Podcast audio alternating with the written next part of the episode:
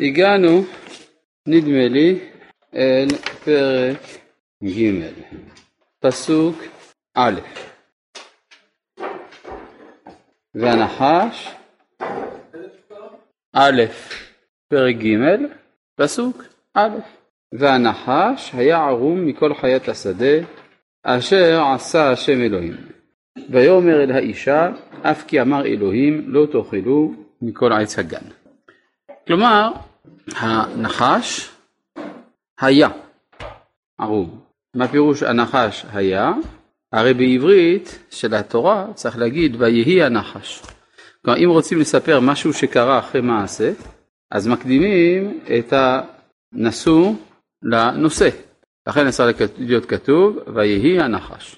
אבל במקום זה כתוב והנחש היה, אז לפי רש"י כל מקום שבו הנושא קודם לנשוא בעברית מקראית בלשון עבר זה עבר מוקדם, זאת אומרת זה כמו מה שקוראים באנגלית past perfect או בערבית passé antérieur, כלומר זה העבר לפני העבר, זאת אומרת והנחש היה עוד לפני הסיפור המסופר למעלה ערום מכל חיית השדה. מה הסיפור המסופר למעלה? מסופר למעלה על אה, בריאת הזוג הראשון, האיש והאישה. אז עוד לפני שנברא הזוג הזה, עוד לפני כנראה שנברא האדם בכלל, והנחש כבר לפני זה היה. מה הוא היה? ערום. מה זה ערום? מתרגם אונקלוס, חכים. חכים בעברית, חכם. כלומר, הנחש הוא החיה החכמה ביותר, לבריאות, החכ... החיה החכמה ביותר בעולם. ומהי החיה החכמה ביותר בעולם שאנחנו מכירים? האדם, הבריאות. אם כן הנחש זה האדם, אבל מצד איזו תכונה שבאדם? מצד החוכמה. כלומר, או נגיד זה בשפה שלנו, השכל הטבעי. השכל של הטבע, דהיינו איזשהו שכלול, איזשהו פיתוח, פיתוח של הדבורה. הדבורים יש להם גם כן חוכמה, נכון? הם יודעים לבנות uh, מערכת שלמה בתוך הכוורת, יש אפילו היררכיה חברתית, המלכה, הפעילות וכדומה, ויש אפילו מחסנים, הכל מסודר.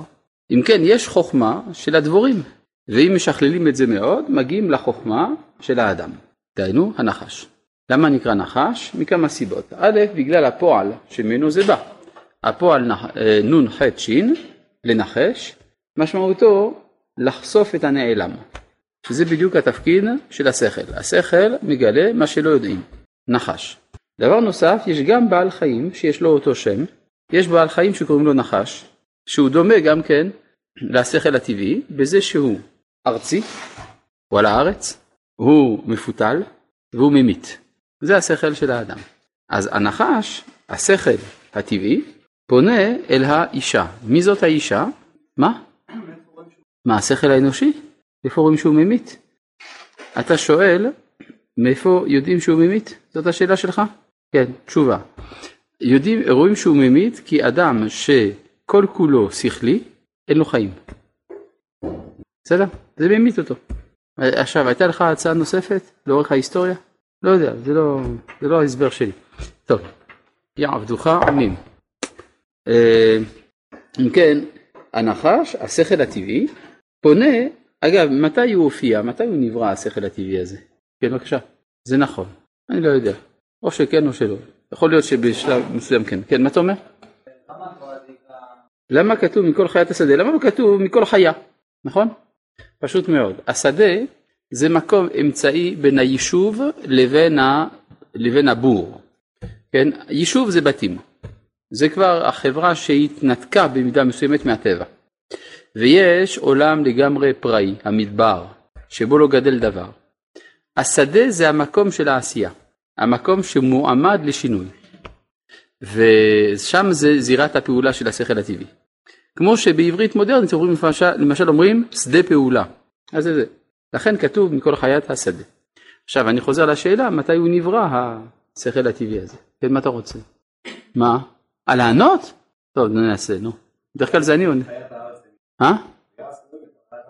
מה פתאום? כן, זה נכון.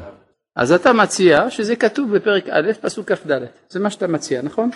פסוק כ"א, אה, פסוק כ"ד בפרק א', כתוב ויאמר אלוהים תוצא הארץ נפש חיה למינה, נפש חיה זה האדם, לא הצליח, אם כן מה נעשה הנחש.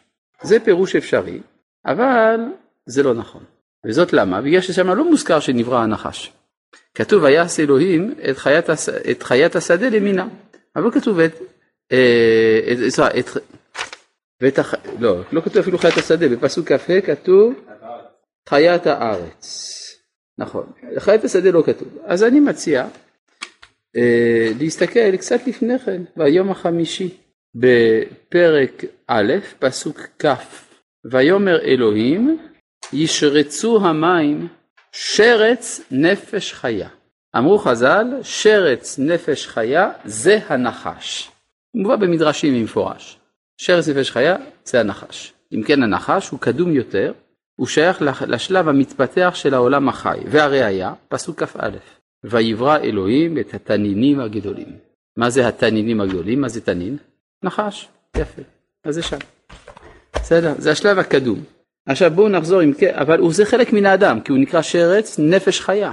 כלומר זה השרץ של הנפש החיה שעתידה לבוא. הנפש החיה למדנו שזה האדם, שנאמר ויהי האדם לנפש חיה. אם כן, החלק שבו ששורץ בו, נמצא כבר ביום החמישי. כן. האחד זה הציווי, השני זה הביצוע. למה יש יותר מאחד? אם תסתכל, איך, איך כתוב תנינים? בבקשה לאיית. חסר י', תנינם כתיב, נכון? למשל שהיה רק אחד. כן, היה צריך להיות שניים, אבל באמת יש רק אחד. כן, טוב, אה, בואו נתקדם, אם כן, לפרק ג', פסוק א', והנחש היה ערום מכל חיית השדה, השכל הטבעי פונה למי? ויאמר אל האישה, מי זאת האישה? האישה למדנו זה מחצית הנפש חיה, נכון? כלומר האדם לפי זה מורכב פה משני חלקים, חלק אחד נפש חיה, חלק שני נחש. ויש דיאלוג בין הנחש לבין הנפש החיה, אבל רק עם מחצית הנפש החיה. כלומר, הנפש החיה מחולקת לשניים, הנקראים בשם איש ואישה, נכון? או במילים יותר פשוטות, השכל העליון והרגש. הרגש מהווה גשר בין הנחש לבין הנפש החיה, שהרי אם מדובר על שכל עליון מול שכל טבעי, התחרות אבודה מראש. כלומר, הנחש לא יכול לנצח. כן? כלומר, כי הרי השכל העליון גובר על השכל הטבעי, עליונותו ברורה, שהרי השכל העליון הוא החוכמה האפריורית של האדם, שהיא באה לו במתנה מאת השם. כלומר, הנבואה גוברת על הפילוסופיה, נאמר כך. אבל מה יכול לטשטש? הרגש. הרגש יוצר איזה מין אה, נקודת המסה בין העולם הנבואי לבין השכל הפילוסופי. ואז אפשר לקרוא לזה, אם רוצים, הפילוסופיה הקיומית, האקזיסטנציאלית. זה החלק שבו הנחש פונה אל האיש דרך האישה. ברור? כל זה אני צריך להזכיר, אני לא יודע אם צריך להזכיר, זה דבר פשוט, לא מדובר באנשים שונים, כן? הכל מתרחש בתוך הנפש של אדם אחד, שיש בו שלושה חלקים, הנקראים איש, אישה ונחש, והחלק הנקרא נחש פונה אל האישה שפונה אל האיש. בסדר? עד כאן ברור? אה? בסיפור הזה, כן, ברור. כן, מדובר באדם אחד סך הכל, שיש לו הכל, יש לו שכל עליון, רגש ושכל טבעי, דבר אחד עדיין אין לו, זה הגוף. אבל כל השאר יש לו. כן, בבקשה. כן, כן, כן. כן, כן. אתה שואל על פסוק כ"ה. כן. אז זו שאלה חדשה, זה לא הנושא, זה לא הפסוק שאנחנו לומדים עכשיו. האדם השלם, אז איך כתוב האדם ואשתו, כן לכאורה האדם זה כללות האדם, ואשתו שהיא בתוכו בעצם, נכון? הרי כתוב לזאת עיקר אישה כי מאיש לו כוחה זאת. כלומר היא כאילו נלקחה ממנו והיא בתוכו. תעשה חשבון מעניין. כשאתה כותב את המילה אדם, אדם בגימטריה כמה? 40 ו? 45 או 44? תחליט. 45. אדם בגימטריה 45. זה בדיוק הגימטריה של י"ק ו"ק, נכון? מה? לא, למה? איך כותבים י'? י' ו' ד', נכון? ואיך כותבים ה'? ה' א'. איך כותבים ו'? ו' א' ו'. איך כותבים ה'? ה' א'. סך הכל בגימטריה 45, אדם, נכון? אבל כדי לעשות את הדבר הזה הייתי צריך לעשות תוספות, נכון? לפתוח את האותיות. כלומר לי' אני הוספתי ו' וד'. לה הוספתי א', לו' הוספתי א' ו', לה הוספתי א'. כל התוספות ביחד בגימטריה, כל התוספות ביחד בגימטריה 19, דהיינו חווה. היא כלולה באדם, והיא מגלה את שלמות קומתו בתור גילוי השם. בסדר? לכן זה האדם ואשתו בתוכו, בשלב הראשון על כל פנים. אחר כך כשהיא עומדת בקומה נפרדת זה סיפור אחר, זה כבר תיקון החטא, אבל זה מה שהביא לחטא. כן.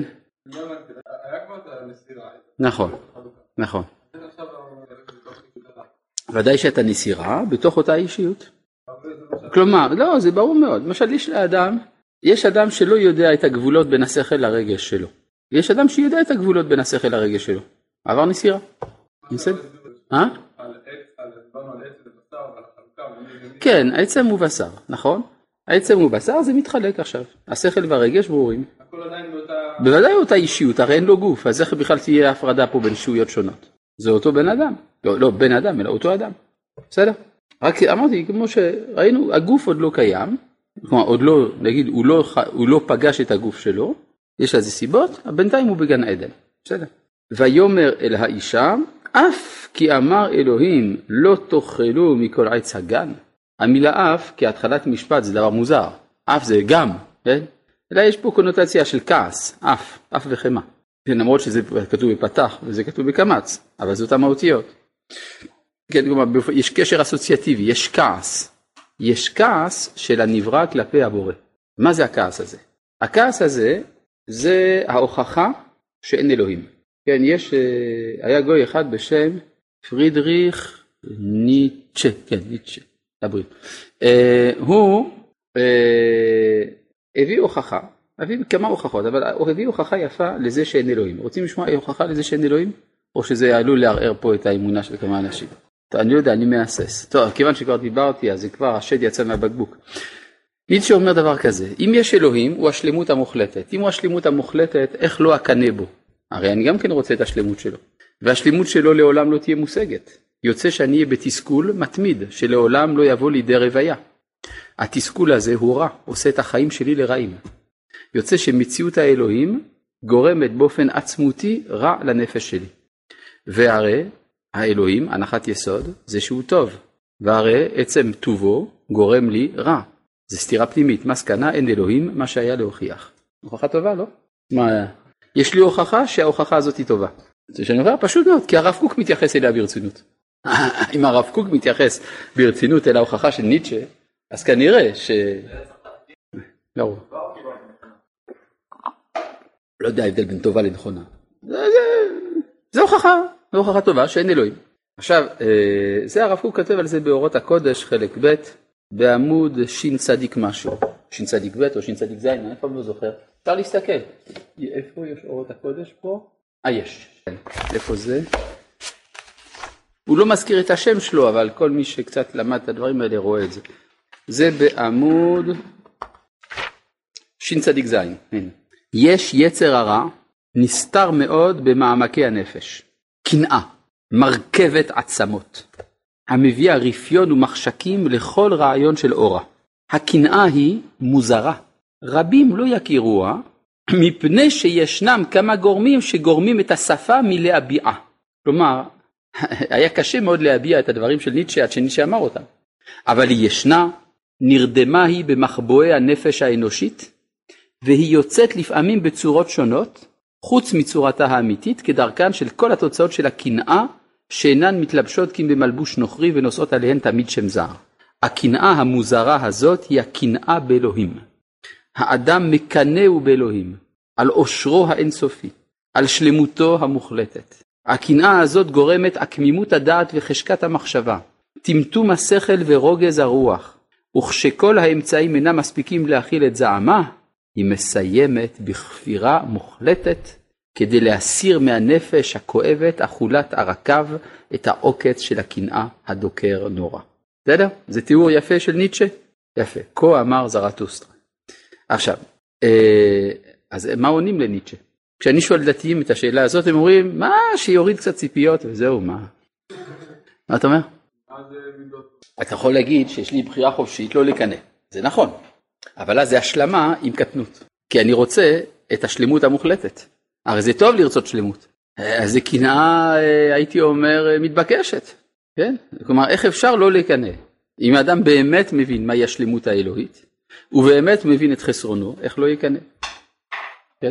את אומרת, אולי הנחת היסוד של ניטשה לא נכונה, והיא שאלוהים הוא טוב. אז אפשר גם את זה להגיד. זה היה גוי אחר, שופנהאואר, הוא אמר, אל תחשוב שאלוהים הוא כזה טוב, אדרבה, הוא כזה רע כיוון שהוא עשה אותך. כן? זה מה שהוא אומר. כן? אבל יש כמה קושיות פילוסופיות גדולות נגד הטענה הזאת. כי כדי להיות רע זה תמיד ביחס שהוא טוב.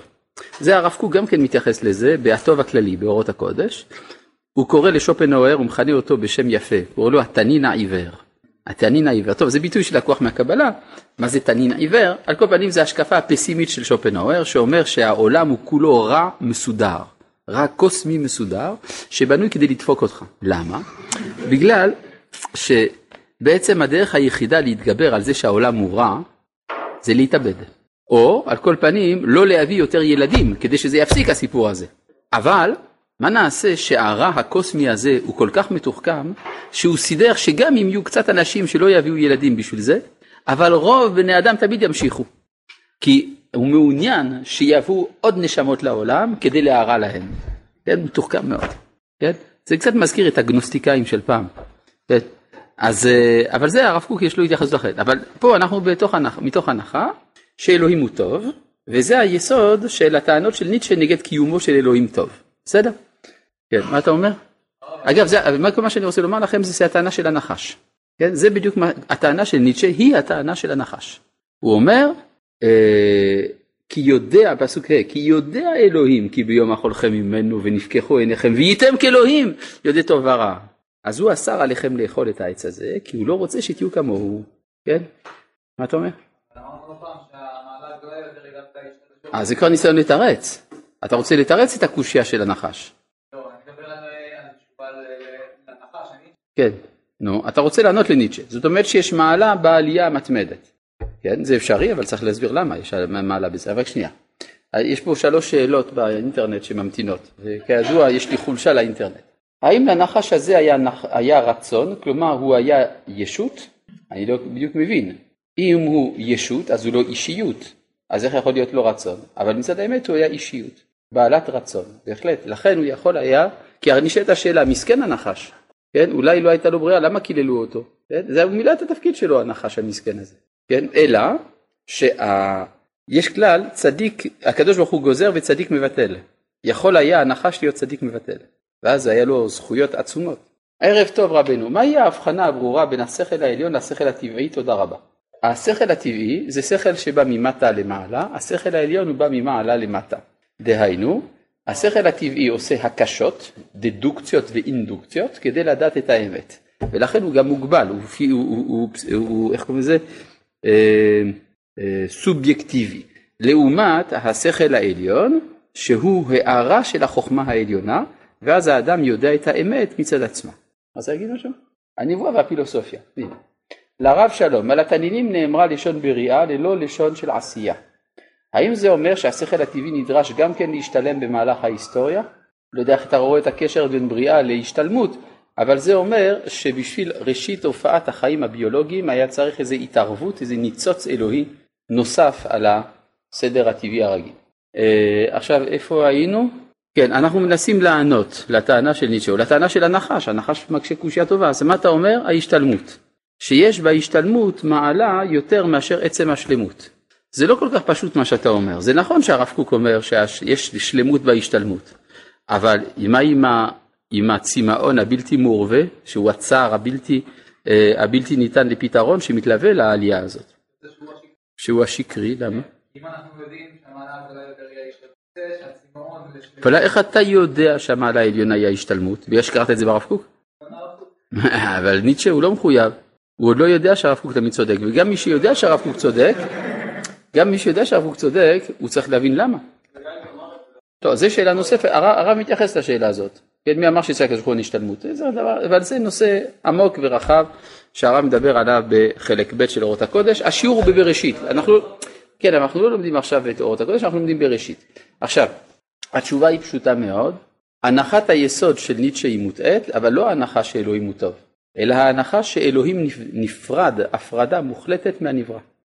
כלומר, ההכרה המונותאיסטית, או התאיסטית, סתם, שמניחה את אלוהים מצד אחד ואת הבריאה מצד שני, זה גם סוג של דואליזם. אז זה נכון שיש ממד כזה בגילוי האלוהי, שהנברא עומד מחוץ לבורא, אבל זה נכון גם בפ... לא פחות באותה מידה שהשלמות, ש... שהנברא כלול בתוך האלוהות, יוצא ששלמותו של האלוהים היא השלמות של הנברא. זאת אומרת שאומר הרב קוק מוכרחים להגיע להכרה פנתאיסטית מנוקה מסיגיה. משהו כזה, כן, זה מה שהוא אומר כאן, אני קורא לכם אולי מקום אחר ברב.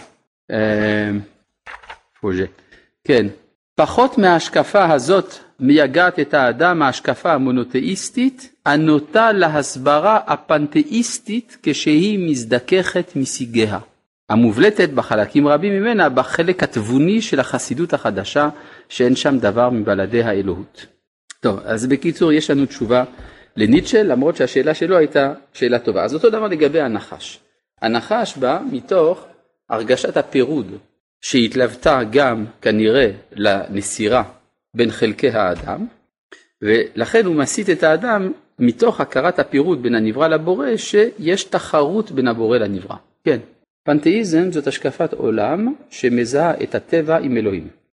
פן זה הכל, תאוס זה אלוהים. זו השיטה למשל של ספינוזה בפילוסופיה. אפשר לנסח את זה בסגנון של פן-אנתאיזם, זה, זה מושג שטבעו אותו באקדמיה, ויש אומרים, ואני מסופק אם זה נכון, שזה מה שמתכוון הרב קוק לומר. בעלתניה לא הכיר את המושג פן-אנתאיזם.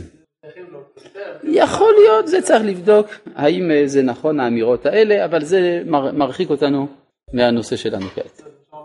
הבנתי מה שאתה אומר, אבל אני אומר שעל זה אני מוכן לקיים דיון, אבל לא כאן, כי זה נושא רחב, כן, שמסיט אותנו מהנושא שלנו. על כל פנים, הנחש, אתם רואים שהנחש הוא רציני, כן?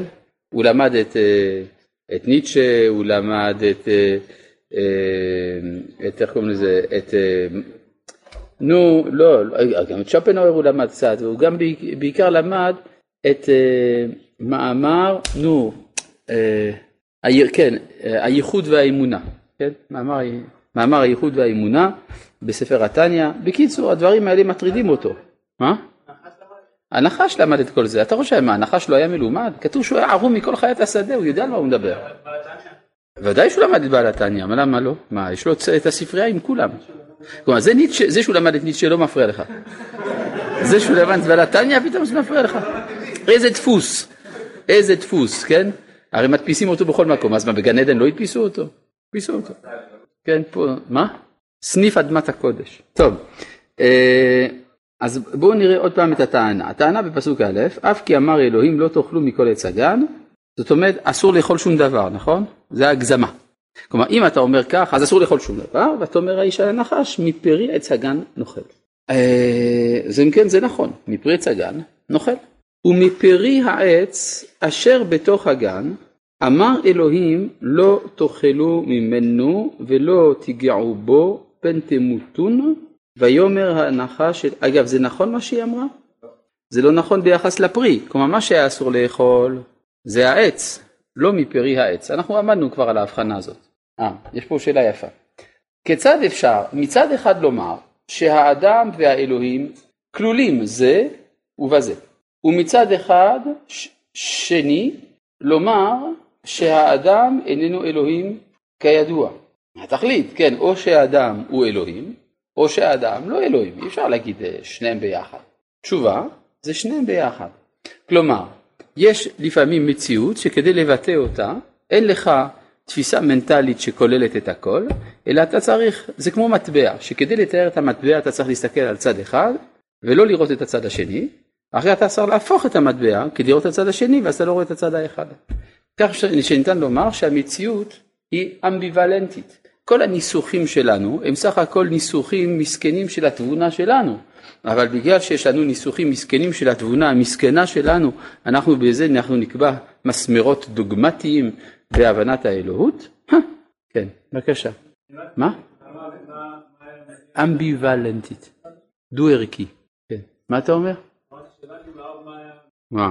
הוא רוצה להראות שיש תחרות בין השלימות האלוהית לבין האדם, והראיה שהוא אסר משהו. זה דרך ההגזמה. כל עץ הגן. כן, מכל סגנה. אז הוא אומר לא, זה מצמצמים. ויאמר הנחש אל האישה לא מות תמותון כי יודע אלוהים כי ביום אכולכם בנו ונפקחו עיניכם והייתם כאלוהים יודעי טוב ורע. ותרא האישה, אגב, אז זה נכון אגב הסיפור הזה?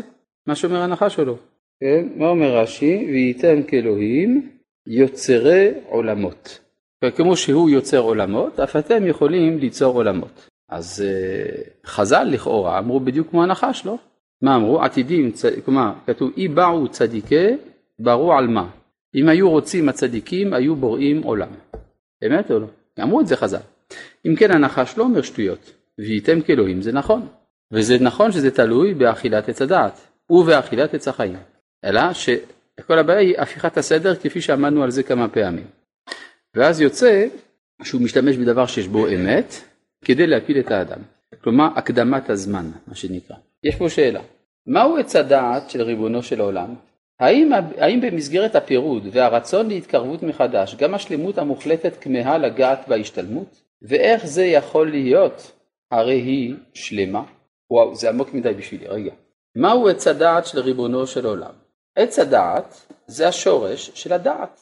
האם במסגרת הפירוד והרצון להתקרבות מחדש גם השלמות המוחלטת כמהה לגעת בהשתלמות? ואיך זה, זה אכן נכון. איך זה יכול להיות הרי היא שלמה? דווקא שלמה זה סוג של חיסרון, בגלל שדבר שהוא שלם יש לו גבולות, כפי שכתב אריסטו, שדבר שלם הוא דבר שיש לו גבולות, והדבר שיש לו גבולות חסר לו העל גבוליות, לשלמות חסרה ההשתלמות. טוב, יש פה שאלה חדשה, אז בעצם יש סימביוזה בין הבורא לנברא, אם כן יוצא מזה שהבורא אינו שלם, אם אין נברא, כי כך בחר הבורא, והרי אם אין נברא, אין בורא, אלא משהו אחר שאינו בורא. אפשר להגיד את זה. מדוע הנחש אומר אף כי אמר ולא ממשיך? למרות זאת, אכול תאכלו. כי האדם באופן טבעי לא רוצה לעבור על מצוות הבורא, זה לא עובד בצורה כזאת, צריך איזושהי סיבה לעבור על רצון הבורא. טוב, מה? נכון. מה התפקיד של שאר העצים? כל עץ נחמד למראה וטוב למאכל. זה האסתטיקה. כלומר זה כל מה שמכשיר, כל דבר שהוא מכשיר. מכשיר. מכשירים, כן. כלומר דבר שמסייע לדבר אחר. כן. כלי. אה, הדת זה גם כן כלי, אבל יש כלי ויש כלי לכלי. יש כלים לכלים. כן, כמו שאומרים על אחד, זה כלי כלי. כן. כי יודע אלוהים, כי ביום אכולכם ממנו ונפקחו עיניכם וייתם כאלוהים יודע טוב ורע. ותראה האישה, טוב העץ למאכל, וכי תאווה הוא לעיניים, ונחמד העץ להשכיל, זה שלוש מדרגות, כן, של הטבה, בנפש, ברוח ובנשמה, ותיקח מפריו ותאכל. מצוין, הרי לפי מה שלמדנו, אין שום איסור לאכול מן הפרי, האיסור הוא לאכול מן העץ. ומה ההבדל בין עץ לפרי? זה אמצעי ומטרה, נכון? עץ הוא אמצעי, פרי זה מטרה. אז האישה מחוברת אל המטרה, היא רוצה לאכול מן הפרי, בצדק. והחטא הוא לקחת מן העץ, זאת אומרת להעניק ערך של מטרה לאמצעי, בטרם הפך טעם העץ לטעם הפרי. ות, ותיתן גם לאישה עמה ויאכל. מה הוא אכל? אבל מה היא נתנה לו? הרי היא אכלה מן הפרי, אבל מה הוא אכל? היא מצידה נותנת פרי, ומה הוא אוכל? עץ, נכון? היא אוכל עץ. זה כתוב מפורש.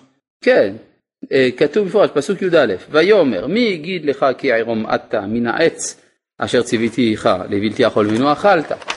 פסוק י"ב, ויאמר האדם האישה אשר נתת עמדי היא נתנה לי מן העץ ואוכל.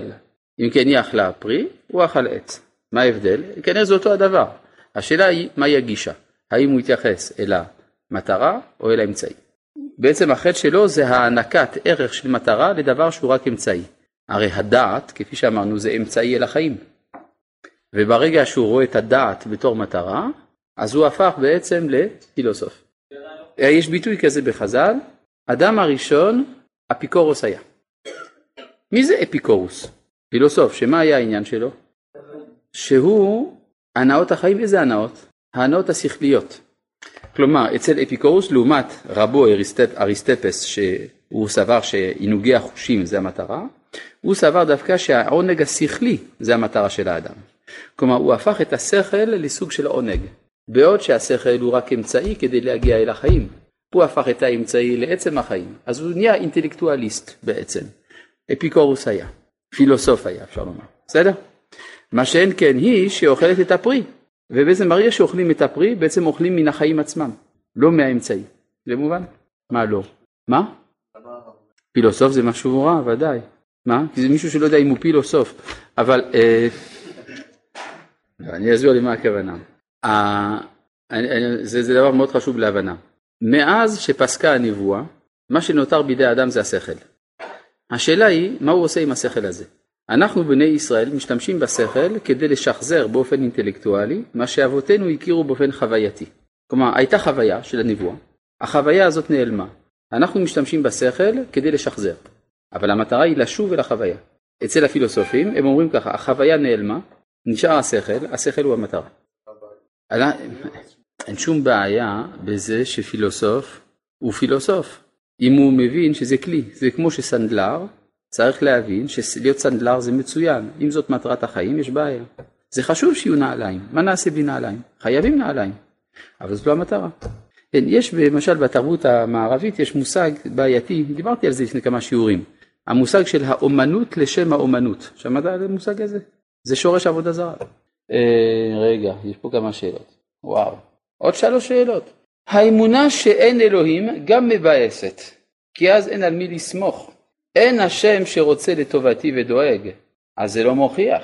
אם אין אלוהים, אז מי דואג שיהיה טוב? זה נגד ההנחה של חולשת האדם כי מתסכל ומפריך קיום השם. לניטשה לא אכפת לו שאין לו אלוהים אם הוא מגיע אל האדם העליון, האוברמנש, העל אדם. לרב היקר, כי הוא בסדר, האדם עושה את עצמו אלוהים בעצם. לרב היקר שלום. בחלוקת הנפש, בחלוקת הנפש חיה, אדם חווה נחש. מי קבע לכל חלק את היכולת לשכנע או להשתכנע תודה? מה שקבע את היכולת לשכנע או להשתכנע זה עצם מהותם. מחילה הרב, בשאלתי על עץ הדעת של ריבונו של עולם, שאלתי האם גם לריבונו של עולם יש את הפרי האסור במהלך הרצון להתקרבות שלו להשתלמות והאם הוא עומד בניסיון לא לטעום ממנו. יפה. כלומר האם הקדוש ברוך הוא גם אסר על עצמו משהו? התשובה היא שכן. זאת אומרת הוא מונע מעצמו להתגלות בכל תוקפו, זה מה שנקרא מי כמוך באלים, חז"ל אמרו במסכת גיטין, מי כמוך באילמים, ששומע ביזיונו ושותק, כן? זה מה שנקרא יראת שמיים, לשמיים יש יראה מליפול, כן? כלומר השמיים יראים שמא הם אה, ימעכו את האדם, ימחקו אותו, לכן הקדוש ברוך הוא כאילו מתאפק כדי לא, אה, לא לבלוע את כל היש. על זה נאמר אתה גיבור לעולם אדוני. מה זה שהקדוש ברוך הוא גיבור? איזה הוא גיבור? הכובש את יצרו. מהו היצר של האלוהות? ההתפשטות האינסופית. ואז אין מקום לאף אחד. ברור, כן. חילול השם, נכון, הקדוש ברוך הוא לא רוצה חילול השם, זה נכון. כן, אז אומר זה חילול השם, אז איך הוא משלים עם זה? אז הירושלמי אומר, גדול קידוש השם, לבריאות, גדול קידוש השם מחילול השם, נכון? מה זה גדול קידוש השם מחילול השם? הרי זה פשיטא, מה צריך בשביל זה את הגמרא? אנחנו יודעים שקידוש השם זה טוב וחילול השם זה רע, אז מה אתה יודע? גדול קידוש השם מחילול השם. כן? זה כמו שאתה אומר, יותר טוב להיות עשיר ובריא מאשר עני וחולה. כל אחד יודע את זה, כן. אלא, מסביר הרב ציודה קוק, גדול קידוש השם שבא מחילול השם. כלומר, יש קידוש, יש לפעמים קידוש השם שסתם בא, אבל כשזה בא מחילול השם, שהחילול הוא עצמו המקור של הקידוש, זה עוד יותר גדול. אז הקדוש ברוך הוא מוכן להניח לחילול השם להיעשות, על מנת שיהיה קידוש השם, וזה יאריך מאוד רמח"ל במשנתו. בבקשה. אתה אמנם לא האינטרנט, זה נכון, אני אפילו לא העליתי בדעתי לרגע שאתה אינטרנט. כן. אני חש פה מחאה סמויה נגד העדפת האינטרנט. כן. לא, אבל זה התמכרות ל... טוב, נו, דבר. לפי זה היא לא חטאה, יפה מאוד. אה, יפה מאוד. אז למה היא נענשה? פשוט מאוד. החטא שלה, איך תוכל להגדיר אותו? גרמה, נכון? מה? גרמה בנזיקין פטור בדיני אדם וחייב בדיני שמיים, נכון? יוצא לפי זה שהיא יוצאת מגן עדן בגרמה. ואני אסביר את זה. לא, זה דבר פשוט. הרי מה הקללה של האיש? כן? בפסוק אה, י"ט, בזיעת אפיך תאכל לחם, כן, פסוק י"ח, וקוץ ודרדר תצמיח לה ואכלת את עשב השדה, יש קושי גדול, נכון? עכשיו, לאישה, מה הוא אמר? בפסוק ט"ז, אלא אישה אמר ארבע הרבה עצבונך ועירונך בעצב תלדי בנים ולישך תשוקתך וימשול בך. יוצא לפי זה שהקושי של, בסוף זה מופיע בעולם שלנו בתור איש ואישה, לאיש יש קושי בפרנסה, לאישה יש קושי בלידה, נכון? אמת או לא? בואו נסתכל בפסוק כ"ג וישלחהו השם אלוהים מגן עדן לעבוד את האדמה אשר לוקח משם. אז, אז הוא גורש כדי לקיים איזו קללה? את הקללה של האיש. נכון? מה עם הקללה של האישה? היה צריך להיות כתוב, ויגרש, וישלחו השם אלוהים גן עדן לעבוד את האדמה אשר לוקח משם וללדת בעצב, נכון? לא, הרי אם, הרי הקללות האלה צריכות להתממש באיזשהו מקום, לא בגן עדן אלא מחוץ לגן עדן, נכון? אז אם זה נכון, היה צריך להיות כתוב שהוא גירש את האדם כדי שהוא יעבוד את האדמה, כדי לקיים את הקללה שלו, והוא גירש את האישה כדי לממש את הקללה שלה וללדת, נכון? וזה לא כתוב. רגע, זה לא משנה. מה? אבל רגע, למה זה לא כתוב, כשהקדוש ברוך, כשכתוב מדוע הקדוש ברוך הוא מוציא אותו, כתוב, כתוב רק הגורל שלו ולא הגורל שלה. אז זה מספיק להיות כתוב, רגע, אם אתה אומר ככה, צריך להיות כתוב, וישלחו השם אלוהים מגן עדן, נקודה. מה זה? מה? ואז אנחנו יודעים שזה כדי לקיים את הקללות. בכל מקרה לא כתוב לנו גירש אותו. לא? לעבוד את האדמה אשר לוקח משם. לא כתוב אל האדמה אשר לוקח משם. אם היה כתוב אל האדמה אשר לוקח משם, אז צריך לך באיזה מקום. אבל פה, כשכתוב לעבוד, זה המטרה. המטרה היא לעבוד את האדמה שלוקח משם. דהיינו למלא את, הקללה שלו. למה הקללה שלה לא מוזכרת? זה אומר שהיא לא גורשה. מה? לא כתוב שהוא משלח אותה. אז מה זה אומר? שהיא נשארה שם. כן, אבל רגע, אבל כשהוא מגרש את האדם, זה כדי לקיים את קללת האיש. יוצא שמצד עצמה אין לה מה לחפש מחוץ לגן עדן. רגע, one second. הרי זאת אומרת שאין לה מה לחפש מחוץ לגן עדן. זאת אומרת שאם זה היה מדובר רק בה, היינו משאירים אותה. נכון, וזה מסביר מדוע נשים פטורות ממצוות שהזמן גרמן, נכון? כי, כי מעל הזמן היא בגן עדן. אז למה יש פה בנות? איך הם הגיעו לכאן? כי הגברים פה. כי הגברים פה, אי אפשר להתחתן כשהיא בגן עדן והוא בעולם הזה. זאת אומרת שהיא פה בגרמה. כיוון שהיא רק החטיאה, אז גם פה היא במציאות של גרמה. לכן, יש תסכול נשי יותר גדול מהתסכול הגברי, התסכול הקיומי. זאת אומרת שכשאתה קורא רומנים על בדידות, למשל, בדרך כלל מי שכותב אותם זה, זה נשים, בדרך כלל. כשגברים כותבים על זה, יש איזה בעיה. זאת אומרת שיש בזהות הנשית נוסטלגיה אל גן עדן יותר גדולה מאשר אצל האיש. ולכן נשים יותר רוחניות. מה? אבל כיוון שהיא פה, הקללה מתקיימת. אגב, ומה סוג הקללה? שים לב, הרבה הרבה הרבה עצבונך ועירונך. כלומר, זה במה שמביא את החיים, כלומר בגרמה, מה שגורם לחיים. כבוד הרב, מדוע האישה הופכת מנקבה לאישה ולבסוף לחווה, ואילו האיש מתחיל בזכר, הופך לאיש, ואחר כך מקבל את השם של שניהם אדם, אז זה מה שהסברנו, לפי השאלה שלך. זאת אומרת שהוא כל האדם, בגלל שהוא סחב עמו את החלק אישה. בשאלת הפנתאיזם, האם אין צורך להביא את החילוק של המקובלים בין גילויו של השם לבין עצמותו, דהיינו שכל ההבנות הן רק בגילוי, כן, אבל זה פרשנות חלקית, אצל המקובלים אתה רואה עוד פרשנויות נוספות. זה צד אחד לומר, בסדר? טוב, אז אה, אה, יוצא לפי זה שמובן, יש מנהג יפה, המנהג היפה של אחינו האשכנזים, כאשר נולד בן, עושים בליל שבת, מיד אחרי הלידה, עושים איזו סעודה קטנה שנקראת שולם זוכר, נכון? שולם זוכר זה בא מן העברית שלום זכר. משמעותו שעושים איזה סעודה לכבוד זה שבן זכר הגיע לעולם.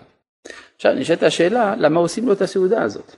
עכשיו בסעודה נהוג לאכול מאכלים עגולים, מה שמכונה ארווס. הארווס היום זה חומוסים, כן? לוקחים חומוס מבושל ואוכלים חומוסים כאלה, עגולים. וזה, יש איזה מין סעודת הבראה לאבל. כי אומרים הנשמה מסכנה היא אבלה שהיא באה לעולם הזה, אז צריך לנחם אותה ונותנים לה סעודת הבראה. לכן עושים את השולם זוכר הזה. אי אפשר לקחת משהו שמח ולהפוך אותו לעצוב, אז הנה מצאנו. אז עכשיו, אז עכשיו נשאלת השאלה, אז למה לא עושים את זה לבנות? שלום נקבה, נכון? אלא מה? שבאמת רק הוא ירד לעולם הזה, היא נשארה שם. לכן כלומר המעורבות של האישה בעולם הזה היא מעורבות חלקית, פחות מושלמת מהמעורבות של האיש. וזה מסביר מדוע במהלך ההיסטוריה ההנהגה הפוליטית של החברה האנושית הייתה בידי הגברים ולא בידי הנשים. כן? זה משהו עמוק מאוד. כלומר בתקופה הפרה-היסטורית, לפחות ככה אומרים האנתרופולוגים, החברה הייתה מטריארכלית, שהעניינים נוהלו על ידי נשים דווקא. ברגע שהחל העידן ההיסטורי, דהיינו מאז המצאת הכתב, זה התהפך. התהפך, ואז יוצא שהגברים ניהלו את העולם, חוץ ממקרים מיוחדים. והדבר הזה יש לו סיבה, כי האיש מרגיש יותר טוב בעולם הזה מאשר האישה. לכן יש ברכה שמברכים כל בוקר, הגברים, שלא עשני אישה. למה? מה? כי לא טוב לה כאן, נכון. זאת אומרת, העולם הזה הוא עולם משתלם, בתהליך.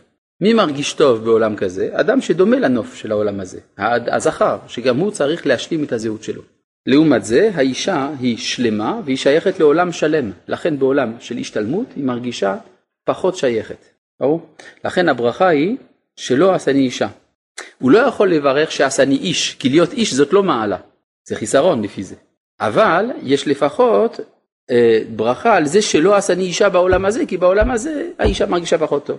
בעולם הבא זה מתהפך. שם הברכה היא, ש, אה, של ה, אה, הברכה היא העיקרית היא של האישה, שלא עשני איש.